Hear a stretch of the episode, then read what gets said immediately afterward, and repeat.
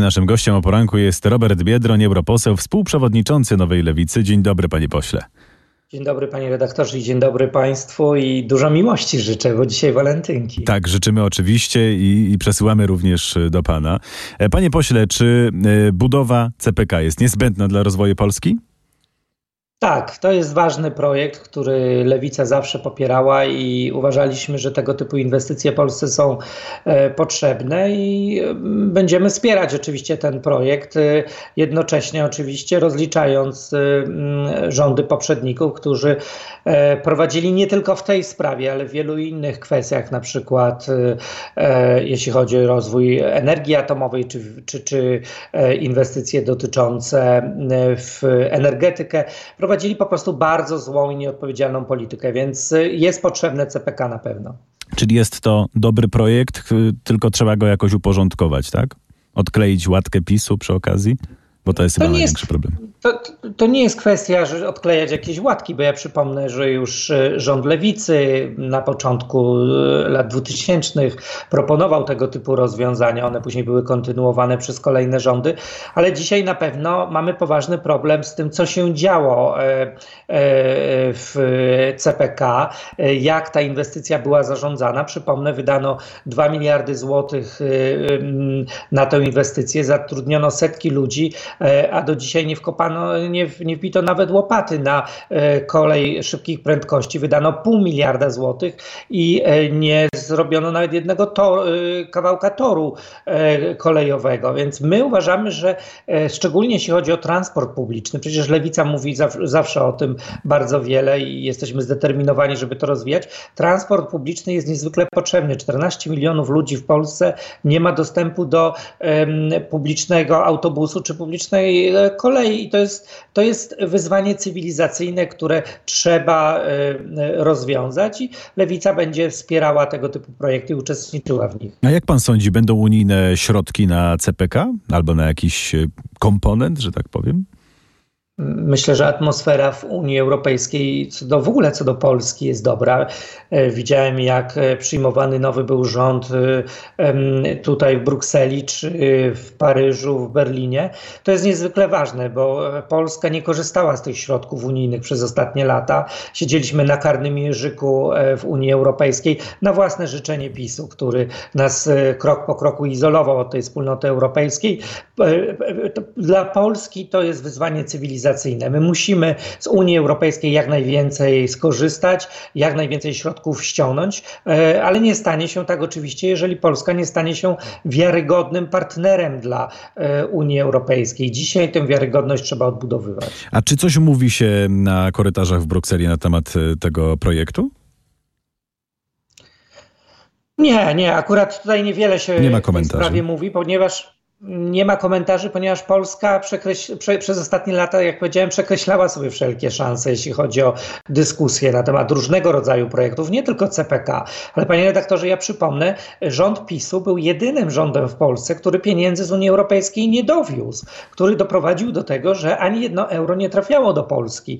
Więc y, nie było przestrzeni nawet do dyskusji o jakichkolwiek projektach, o jakimkolwiek wsparciu, ponieważ y, ta izolacja, jakiej dokonano, dokonał PiS na scenie nie tylko europejskiej, ale między, e, międzynarodowej, podważyła całkowicie zaufanie do przekazywania jakichkolwiek środków. To było wykluczone po prostu ze względu na e, e, demontaż oczywiście rządów prawa, na, na, na ograniczanie praw kobiet, na nagonkę na mniejszości, na to, co, z czym doprowadzono, jeśli chodzi o media, jeśli, jeśli chodzi o, o samorządy, jeśli chodzi o wymiar sprawiedliwości. Za to wszystko płaciliśmy płaciliśmy przez ostatnie lata cenę. Czy mamy nowy rząd, ten nowy rząd y, y, to zmienia i wierzę, że to zmieni, bo jest to dobry rząd. Mhm. A proszę powiedzieć, dlaczego Donald Tusk ma taki problem z Centralnym Portem Komunikacyjnym? O co chodzi? Ja nie wiem, jaki problem ma Donald Tusk. Ja wiem, jaki pomysł na centralny port komunikacyjny ma lewica. I my wierzymy w to, że tego typu projekty walczą z wykluczeniem komunikacyjnym, że e, pomagają ludziom w dostępie do e, dobrego pociągu, regularnych połączeń e, kolejowych. I to jest dla nas niezwykle ważne. Dzisiaj 14 milionów ludzi nie ma dostępu do transportu publicznego.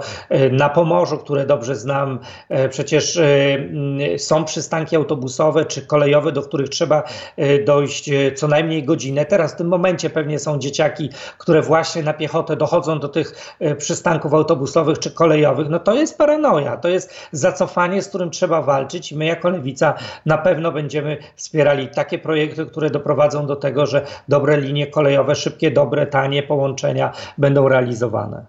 Kibicujemy oczywiście, panie pośle. A jak pan przyjął decyzję Donalda Tuska w sprawie wyborów samorządowych? Ubolewa pan nad tym, że nie udało się zbudować nie, takiej szerokiej koalicji?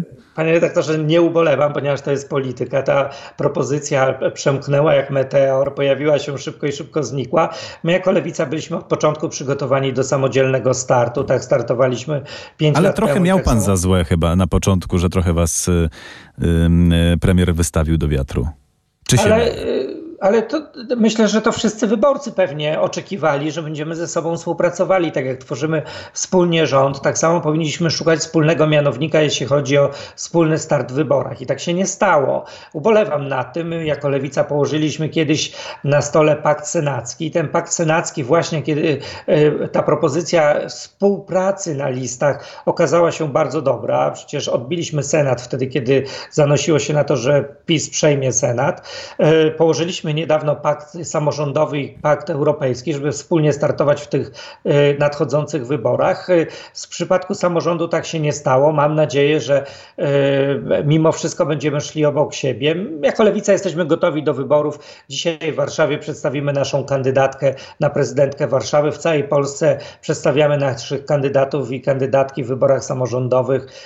Jesteśmy ugrupowaniem, które przechodziło niejedne wybory samorządowe i jesteśmy na każdym Ale chyba Joanna Szojring Wielgus nawet chyba na e, antenie Radia RMF24 powiedziała, że zaprzepaściliśmy szansę na łatwe zwycięstwo z PiSem w wyborach samorządowych. Jako, jako koalicja rządząca na pewno, bo gdybyśmy szli z jednej listy wszyscy, e, pokonalibyśmy PiS zdecydowanie, a dzisiaj będą sejmiki w mojej ocenie, których PiSowi nie uda się odbić i to na własne życzenie tak się stanie. Uważam, że popełniamy błąd w tej, w tej sprawie, oddając i tak PiSowi, który jest dzisiaj w poważnych tarapatach, y, bo widać, że mm, staje się coraz bardziej czarnkowy, czyli radykalny, nie do zniesienia dla dużej części pewnie elektoratu umiarkowanego PiSu, który będzie odchodził, więc y, mm, pomogliśmy w jakiś sposób PiSowi, nie idąc na jednej liście, ale to już jest musztarda po obiedzie. Dzisiaj, jak powiedziałem, kolejna nasza kandydatka, chyba kluczowa w tych wyborach, Magdalena Biel Biejat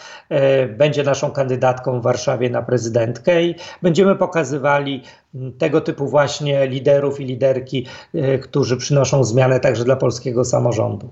Myśli pan, że Magdalena Biejat ma realne szanse na zwycięstwo, czy ma szanse na przyzwoity wynik? Zobaczymy, jak kibicuję e, wszystkim kandydatom lewicowym. Lewica w Polsce była, jest i będzie bezpotrzebna, bo Magda Biejat y, kumuluje w sobie te wszystkie wartości lewicowe, których szukają wyborcy. Tą wrażliwość na wykluczenie, oglądanie się z tyłu za tymi, którzy zostają. Mówi dużo o prawie do mieszkania, o prawie właśnie do dobrego y, transportu publicznego, o dobrym powietrzu, o tym, żebyśmy w Warszawie nie stali wiecznie w korkach, żebyśmy mieli bardzo, bardziej zieloną Warszawę. Więc y, ja to jestem będzie, mieszkańcem Będzie starcie Warszawy, z Rafałem Trzaskowskim. Ciężki rywal. Bardzo, no e, mówi pan o Magdzie, Magdzie Biejat, rozumiem. Oczywiście. E, e, myślę, że to jest duża waga gatunkowa i Rafała Trzaskowskiego i Magdaleny Biejat. Ja oczywiście zagłosuję na Magdalenę Biejat. A w innych dużych miastach? W Krakowie chyba nie widziałem waszego kandydata jeszcze. Jeszcze nie. Będziemy przedstawiali tego kandydata w najbliższych dniach. To robimy to po kolei w różnych miastach, ale są kandydaci i kandydatki, których już zaprezentowaliśmy, jak na przykład pan prezydent Jacek Sutryk we Wrocławiu, którego lewica wspiera, czy w wielu innych miastach e, pani, e, wspieramy obecną panią prezydent Łodzi na przykład, Hannę Zdanowską. No, w wielu różnych miastach e, mamy swoich kandydatów i kandydatów. A Robert Kwiatkowski będzie kandydatem na prezydenta Torunia? Nie słyszałem o tej kandydaturze. Ten na pewno nie będzie kandydat lewicy, więc mhm. pierwszy raz słyszę. A co pan sądzi? Czy Ukraińcy powinni być e, wyborcami w Polsce? Ci, którzy mieszkają, no na przykład w mojej miejscowości, odprowadzają podatki, żyją tam, ich dzieci chodzą do przedszkoli, szkół. Myślę, że to jest kwestia e, obywatelstwa. To znaczy, jeżeli ktoś nabywa polskie obywatelstwo, to automatycznie nabywa prawo wyborcze i to powinna być legitymacja do głosowania. Ja nie mam żadnego powodu, e, żeby odmawiać komukolwiek prawa do głosowania, kto nabył takie prawo wyborcze i jeżeli jest takie, to trzeba z niego korzystać. No, Unia Europejska zdaje się zezwala na przyznanie takiego prawa, prawa cudzoziemcom w wybranych lokalach e, jeżeli jest taka sytuacja właśnie, no tak jak u nas w miejscowości, że jest pewna grupa Ukraińców, którzy mieszkają tam od nie wiem, 5, 7, 10 lat Ludzie, którzy tworzą wspólnoty, którzy mają prawa wyborcze, powinni mie- e, móc z tego korzystać. No byłoby to pogwałcenie podstawowych praw e, obywatelskich. Prawo do e, czynnego, czynnego i biernego e, uczestnictwa w wyborach jest jednym z podstawowych praw obywatelskich. Czyli Nie takim tego powodu, żeby komuś przeszkadzać w tym. Jasne, takim mieszkańcom właśnie no, obywatelom Ukrainy, którzy... Jeżeli ktoś ma obywatelstwo okay. oczywiście i ma prawo do głosowania. Panie pośle, a jak pan sądzi, jak się zakończy sprawa z Pegasusem? Ma pan jakieś wyobrażenie? E, ja wczoraj widziałem tą orkę, którą zorganizowano panu prezydentowi, między innymi w sprawie Pegasusa. Myślę, że prezydent Duda e, e, wpadł we własne sidła. Myślał, że będzie dyrygentem, a stał się widzem na tej scenie i to dość sfrustrowanym z tylnego siedzenia. Na pewno Rada mm, Gabinetowa będzie prezydentowi Dudzie się długo śniła po nocach, między innymi przez Pegasusa, bo Pegasus nie spadł z nieba, panie redaktorze, szanowni państwo. Przecież prezydent Duda, uniewinniając Wąsika i Kamińskiego w 2015 roku, wysłał jasny sygnał, że politycy PiS mają parasol ochronny, żeby podsłuchiwać ludzi w imię partyjnych interesów i, yy, i mogą liczyć e, na łaskawość pana prezydenta. Więc pan prezydent Duda, który dzisiaj robi takie yy, zdziwione oczy, jakby obudził się po ośmiu latach głębokiego snu zarządów PiSu, e, mm, nie jest w tej sprawie wiarygodny i myślę, że jeżeli kiedykolwiek będzie mm, e, szansa, to powinien być jedną z osób przesłuchiwanych, jeśli chodzi o inwigilację Pegasusem, bo ja nie wierzę, że prezydent Duda nie miał informacji o tym, co się działo, jaka była skala podsłuchów. Jeżeli A może też go podajecie, no właśnie, jeżeli Państwo podajecie jako RMFFM, że podsłuchiwano prawdopodobnie pana premiera Morawieckiego, to idę o zakład, że były próby także podsłuchu pana prezydenta Dudy. Kaczyński nie ufał ani jednemu, ani e, drugiemu i widzimy też, jak Kaczyński odnosi się do, do, do prezydenta Dudy. Więc jeżeli prezydent Duda e, dzisiaj e, e, próbuje udawać, że nic nie wiedział, no to zapłaci za to wielką cenę prawdopodobnie jeżeli tak było, że nie dostarczano mu pewnych informacji, izolowano go od pewnych informacji, to być może Kaczyński e, i służby specjalne miały pewne powody, ponieważ być może prezydent był podsłuchiwany. Bardzo poważna sprawa. To pokazuje, że prezydent Duda nie jest w stanie się w ogóle odnaleźć w tym wszystkim, że prezydent Andrzej Duda e, zagrał grę, którą e, scenariusz napisał Kaczyński i z góry przegrał tę grę. I to było wczoraj widać na Radzie Gabinetowej, kompletnie pogubiony, kompletnie zdezorientowany. E, ja kilka, tygodni, e, kilka dni temu zapowiadałem, że ta Rada Gabinetowa będzie trudna dla prezydenta, że my jako koalicja rządząca się przygotowujemy bardzo merytorycznie do tej Rady Gabinetowej, pokazując wszelkie nieprawidłowości, jeśli chodzi o te duże inwestycje i tak się wczoraj stało, ale także jeśli chodzi o skalę nieprawidłowości nieprawidłowości w innych dziedzinach, na przykład Pegasusa, więc będziemy wykorzystywali tego typu narzędzia jak Rada Gabinetowa i wszystkie inne możliwości, w których prezydent Duda e, będzie konfrontowany z rzeczywistością, której albo nie znał, albo udaje, że nie. Mhm, ale pojawiały się, wie pan, też takie opinie o tym, że taka informacja odnośnie podsłuchiwania Morawieckiego to jest ocieplanie jego wizerunku. Sądzi pan, że aż taką intrygę mogli ukuć w PiSie? Ja nie wiem, co mogłoby ocieplić wizerunek bardzo zdewastowany mm, pana premiera Morawieckiego. Pan premier Morawiecki będzie stawał przed kolejnymi komisjami, będzie rozliczany e, e, za te lata e, nieprawidłowości, które miały miejsce zarządów Prawa i Sprawiedliwości. Tu nie ma co ocieplać, panie redaktorze, szanowni państwo. A jak pan sądzi, co tam się teraz dzieje w PiSie po ujawnieniu takich informacji?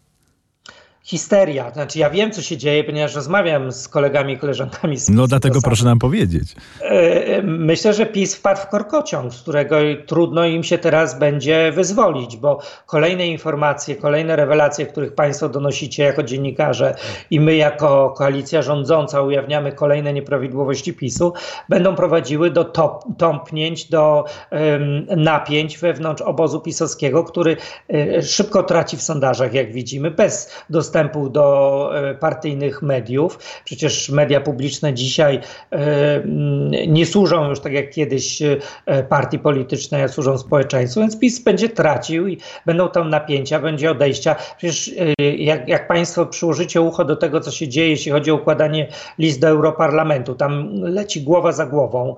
Kolejni europosłowie dostają wilczy bilet od Kaczyńskiego ze względu na to, że jest generalnie histeria w tym obozie histeria, co dalej, nie ma pomysłu. Kaczyński e, e, e, mota się, miota się, nie wie w jakim kierunku tą partię poprowadzić i myślę, że dojdzie tam do bardzo poważnego przesilenia, do odejść pewnych parlamentar e, parlamentarzystów, polityków i, e, i oczywiście to jest miód na me serce. Może w Walentyki nie powinienem mówić takich e, rzeczy, ale wszystko, co doprowadzi do tego, że PiS będzie się dzielił, rozdzielał i tak dalej, jest miodem na me walentynkowe serce. No dziś, Pełne to, miłości. dziś to nie elegancko, panie pośle. No dobrze, no proszę nam powiedzieć, e, co będzie starczą osłonową dotyczącą cen energii? Co lewica, co, co lewica o tym sądzi? Co powinno się zrobić? No ta tarcza i, i dzisiaj jest, panie redaktorze. Ale od połowy roku prawdopodobnie będzie inna, no jeżeli w ogóle będzie. My uważamy jako lewica, że, mm, e, że trzeba chronić społeczeństwo przed wysokimi cenami. Mamy naj, jedne z najwyższych cen energii w Europie. Bogate społeczeństwa Zachodu płacą niższe rachunki niż dość skromne społeczeństwo polskie, jeśli chodzi o zarobki. I uważamy, że tego typu tarcze powinny e, nadal obowiązywać. Tak długo jak Polki i Polacy będą się borykali z dość wysoką inflacją, z, z zarobkami, które nie są satysfakcjonujące, będzie taka tarcza powinna obowiązywać i myślę, że nasz, nasz klub parlamentarny będzie składał tego typu propozycje i nasi przedstawiciele w rządzie będą walczyli Ale powinien to, być jakiś próg dochodowy? Ja, e, panie redaktorze, to, to wszystko zależy. Myślę, że w tej sprawie powinna, e, po, powinniśmy zrobić głębokie analizy. Ja uważam, że powinny być prowadzone progi dochodowe, że to, takie, tego typu pomoc powinna być celowana dla najuboższych, dla tych, którzy naprawdę potrzebują takiego wsparcia, albo dla firm, które e, no, ciężko sobie radzą. Na przykład często są to piekarnie czy jakieś małe zakłady, które ledwo przędą. Więc na pewno taka pomoc jest potrzebna i na pewno my jako lewica będziemy się przyglądali temu, jak e, wyglądają ceny energii. Jeżeli będzie trzeba przedłużyć tarczę, mm, e, to będziemy wspierali takie, takie inicjatywy. Panie pośle, jak informowaliśmy o tym, że będzie ta rozmowa z panem, pojawiały się takie pytania o ujednolicenie wieku emerytalnego. Jak pan sądzi, panowie i panie powinni kończyć aktywność zawodową w tym samym wieku? To dobre pytanie. Wie pan, ja mam mieszane uczucia, ale to ze względu na to, że kobiety pracują więcej, kobiety wychowują dzieci, kobiety wychowują, y, robią dodatkowe y, prace y, w domu, których mężczyźni często nie wykonują i, i pytanie jest, i nie dostają oczywiście za to wynagrodzenia i pytanie jest o to, jak wyrównać te szanse.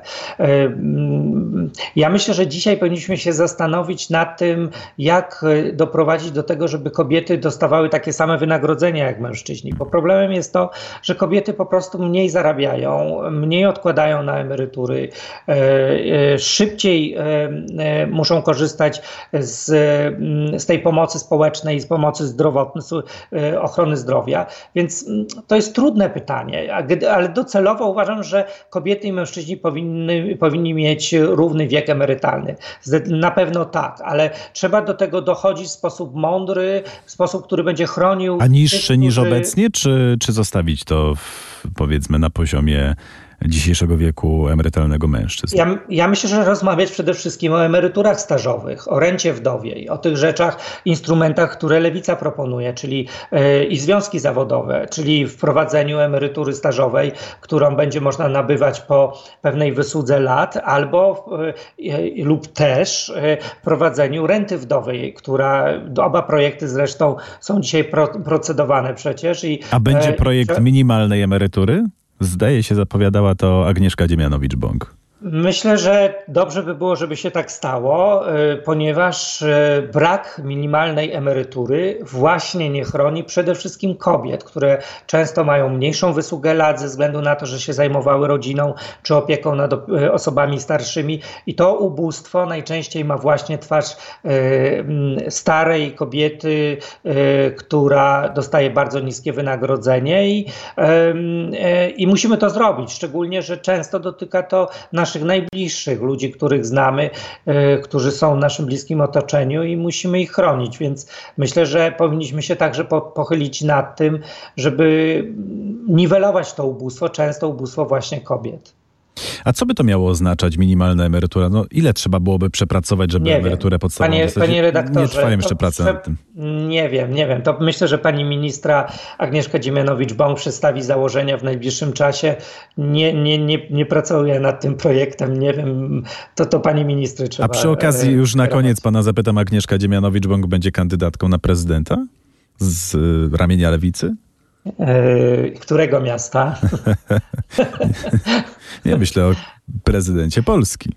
Yy, myślę, że przyjdzie na to czas. Ja uważam, że powinna być to kobieta i, yy, i myślę, że zarówno Agnieszka Dziemianowicz-Bąk, jak i nie wiem, Joanna Schering-Wielgus, Katarzyna Kotula czy Magdalena Biejat będą świetnie przygotowane do tego, żeby pełnić te odpowiedzialne funkcje i nie mogę się doczekać już zresztą tych wyborów. A może Robert Biedroń. powiedzieć. Ja już, panie, panie redaktorze, byłem prezydentem i kandydowałem w wyborach prezydenckich również, więc e, myślę, że przyszedł czas na, na, na kobiety teraz, żeby wziąć odpowiedzialność za tę działkę również. A są świetne przecież, są, mamy świetne liderki na lewicy, jestem z nich bardzo dumny. Robert Biedroń, europoseł, współprzewodniczący Nowej Lewicy. Bardzo panu dziękujemy za rozmowę. Kłaniamy się nisko, do usłyszenia.